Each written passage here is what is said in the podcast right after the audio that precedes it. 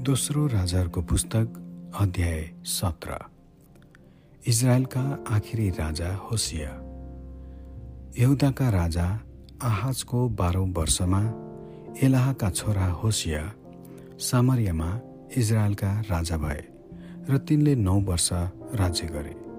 तिनले परमप्रभुको दृष्टिमा जे कुरो खराब थियो त्यही गरे। तर तिनका अघिका इजरायलका राजाहरूले गरे जस्तै त होइन। असुरका राजा सलम नेसेरले होसियालाई आक्रमण गर्न आए। होसियाले उनका अधीनमा भएर उनलाई कर तिरेका थिए तर असुरका राजाले होसियाले विश्वासघात गरेका देखे किनकि तिनले मिश्र देशका राजा सो कहाँ राजदूतहरू पठाएका थिए र वर्षेनी पठाउने कर रोकेका थिए। यसै कारण सलम नेसेरले तिनलाई कैद गरेर झ्यालखानमा हाले।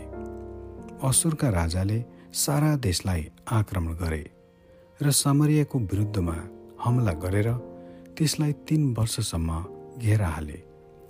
असुरका राजाले होसियाको नौ वर्षमा सामरिया कब्जा गरे र इजरायलीहरूलाई कैद गरेर असुरमा लगे।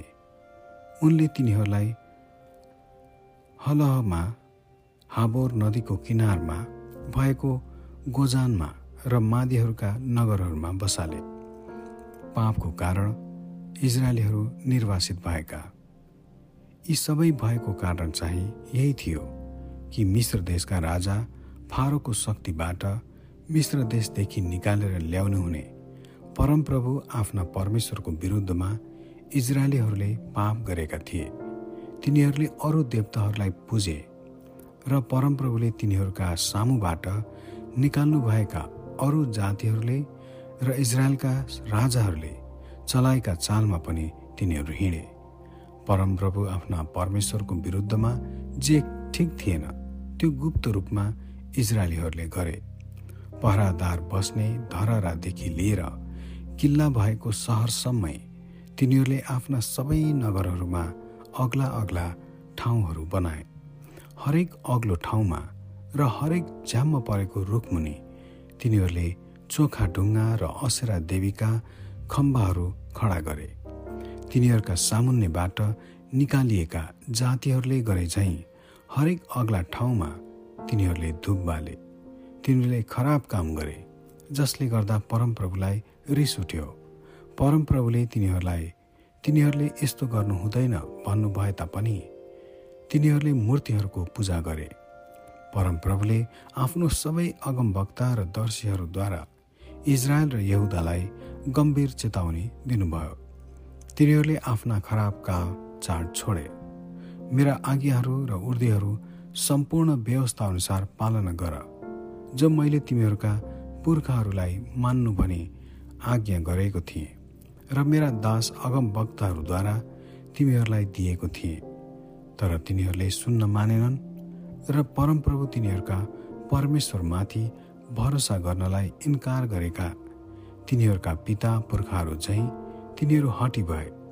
तिनीहरूले उहाँका उर्दीहरू र उहाँले तिनीहरूका पिता पुर्खाहरूसँग बाँध्नुभएको करार र तिनीहरूलाई दिनुभएका चेतावनीहरू इन्कार गरे। तिनीहरू बेकामका मूर्तिहरू पछि लागे र तिनीहरू आफै पनि बेकामका भए। तिनीहरूले आफ्ना वरिपरि भएका जातिहरूको नक्कल गरे। यद्यपि परमप्रभुले तिनीहरूलाई यसो भनेर हुकुम गर्नुभएको थियो। उनीहरूले गरे चाहिँ तिमीहरू नगर र परमप्रभुले तिमीहरूलाई मनाही गर्नुभएका कुरा तिनीहरूले गरे। तिनीहरूले परमप्रभु तिनीहरूका परमेश्वरका सबै आज्ञाहरू त्यागे र आफ्ना निम्ति बाछाको आकारमा ढालेर बनाइएका दुईवटा मूर्तिहरू र एउटा असेरा देवीको खम्बा बनाए।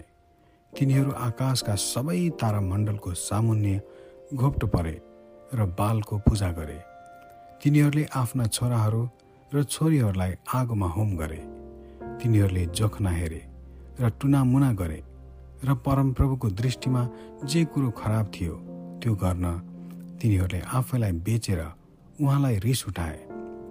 यसैले परमप्रभु इजरायलसित साह्रै रिसाउनु भयो र तिनीहरूलाई आफ्नो उपस्थितिबाट निकालिदिनु भयो केवल यहुदाको कुल मात्र छोडियो र यहुदाले पनि परमप्रभु आफ्ना परमेश्वरका आज्ञाहरू पालना गरेनन्।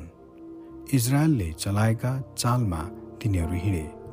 यसकारण परमप्रभुले इजरायलका सबै मानिसहरूलाई त्याग्नुभयो। उहाँले तिनीहरूलाई कष्ट दिनुभयो र लुटपिट गर्नेहरूका हातमा सुम्पिदिनुभयो। जबसम्म तिनीहरूलाई आफ्नो उपस्थितिदेखि फालिदिनु भएन। जब उहाँले इजरायललाई दाउदको घरानाबाट अलग गर्नुभयो तब तिनीहरूले नबादका छोरा एरोबामलाई राजा तुल्याए। एरोबामले इजरायललाई परमप्रभुको पछि लाग्नुबाट फकाएर एउटा ठुलो पाप गर्न लाए। इजरायलीहरू एरोबामका सबै पापहरूमा लागिरहे र ती त्याग्दैनन् तबसम्म परमप्रभुले आफ्ना सबै दास अगमभक्तहरूद्वारा चेतावनी दिनुभए झैँ तिनीहरूलाई आफ्नो उपस्थितिबाट निकाल्नु भएन। यसैले इजरायलका मानिसहरू आफ्नो मातृभूमिबाट असुर देशमा निर्वासित गरिएर लगिए र तिनीहरू अझै पनि त्यही छन्। सामरिया फेरि आबाद भएको।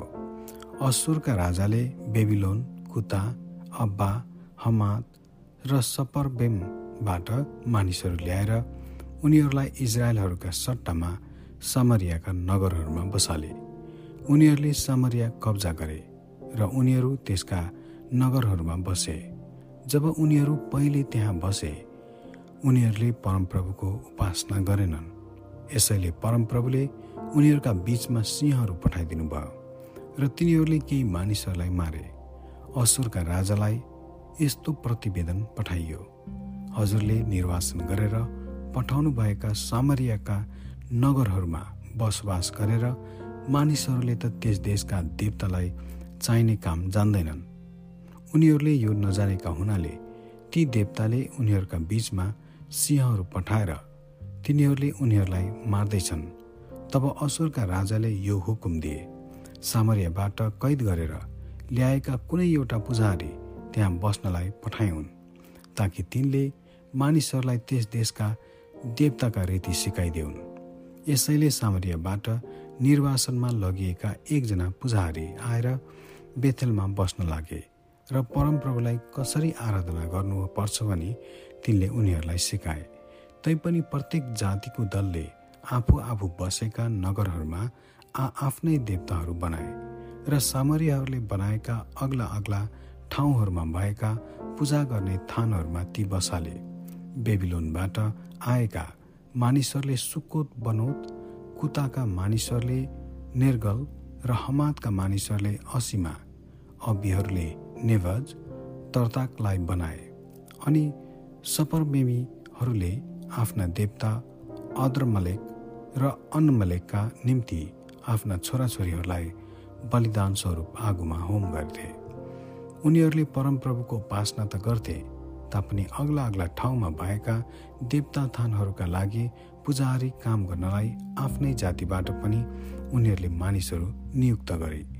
उनीहरूले परमप्रभुको उपासना गर्थे तर जुन जातिहरूबाट उनीहरू ल्याइएका थिए उनीहरूकै रीतिअनुसार चलेर उनीहरूले आफ्नै देवताहरूको सेवा पनि गर्थे। उनीहरूले अघि अघिका रीतिहरू आजको दिनसम्मै चलाइराखेका छन्। उनीहरू न त परमप्रभुको उपासना गर्छन् न त उहाँका उर्दीहरू र विधिहरू र उहाँका विधान र आज्ञाहरू पालन गर्छन् जुन उहाँले याकुबका सन्तानहरूलाई दिनुभयो जसको नाउँ उहाँले इजरायल भनी राख्नु भएको थियो। सो पालन गर्छन्। जब परमप्रभुले इजरायलीहरूसँग करार बाँध्नुभयो तब उहाँले तिनीहरूलाई यो आज्ञा दिनुभएको थियो। तिमीहरूले अरू कुनै देवताहरूको उपासना नगर्नु। अथवा तिनीहरूका सामु तिमीहरू ननिरनु वा तिनीहरूको सेवा नगर्नु वा तिनीहरूलाई बलिदान चढाउनु तर आफ्नो ठुलो शक्ति र पसारिएको पाखुराद्वारा तिमीहरूलाई मिश्र देशबाट निकालेर ल्याउनु हुने परमप्रभुको मात्र उपासना गर्नु। उहाँकै सामुन्ने तिमीहरू निहुरनु उहाँलाई नै तिमीहरूले बलिदान चढाउनु। तिमीहरूका निम्ति उहाँले लेख्नुभएका उर्दीहरू विधिहरू विधानहरू र आज्ञाहरू तिमीहरूले होसियारीसित निरन्तर पालना गर्नु। तिमीहरूले अरू देवताको उपासना नगर्नु। मैले तिमीहरूसित बाँधेको करारलाई नभुल्नु र तिमीहरूले अरू देवताहरूको उपासना नगर्नु। बरु परमप्रभु तिमीहरूका परमेश्वरको मात्र उपासना गर्नु। उहाँले नै तिमीहरूलाई तिमीहरूका सबै शत्रुहरूका हातबाट छुटकारा दिनुहुनेछ। तापनि तिनीहरूले सुन्न मानेनन्। र आफ्ना अगाडिका व्यवहारमा हिँडिरहे। परमप्रभुको उपासना गर्दा गर्दै पनि तिनीहरूले आफ्नै मूर्तिहरूको सेवा गरिरहे। आजको दिनसम्मै तिनीहरूका छोराछोरीहरू र नाति नातिनाहरू आफ्ना पिता पुर्खाहरूका चालमा हिँड्दै आएका छन्। आमेन।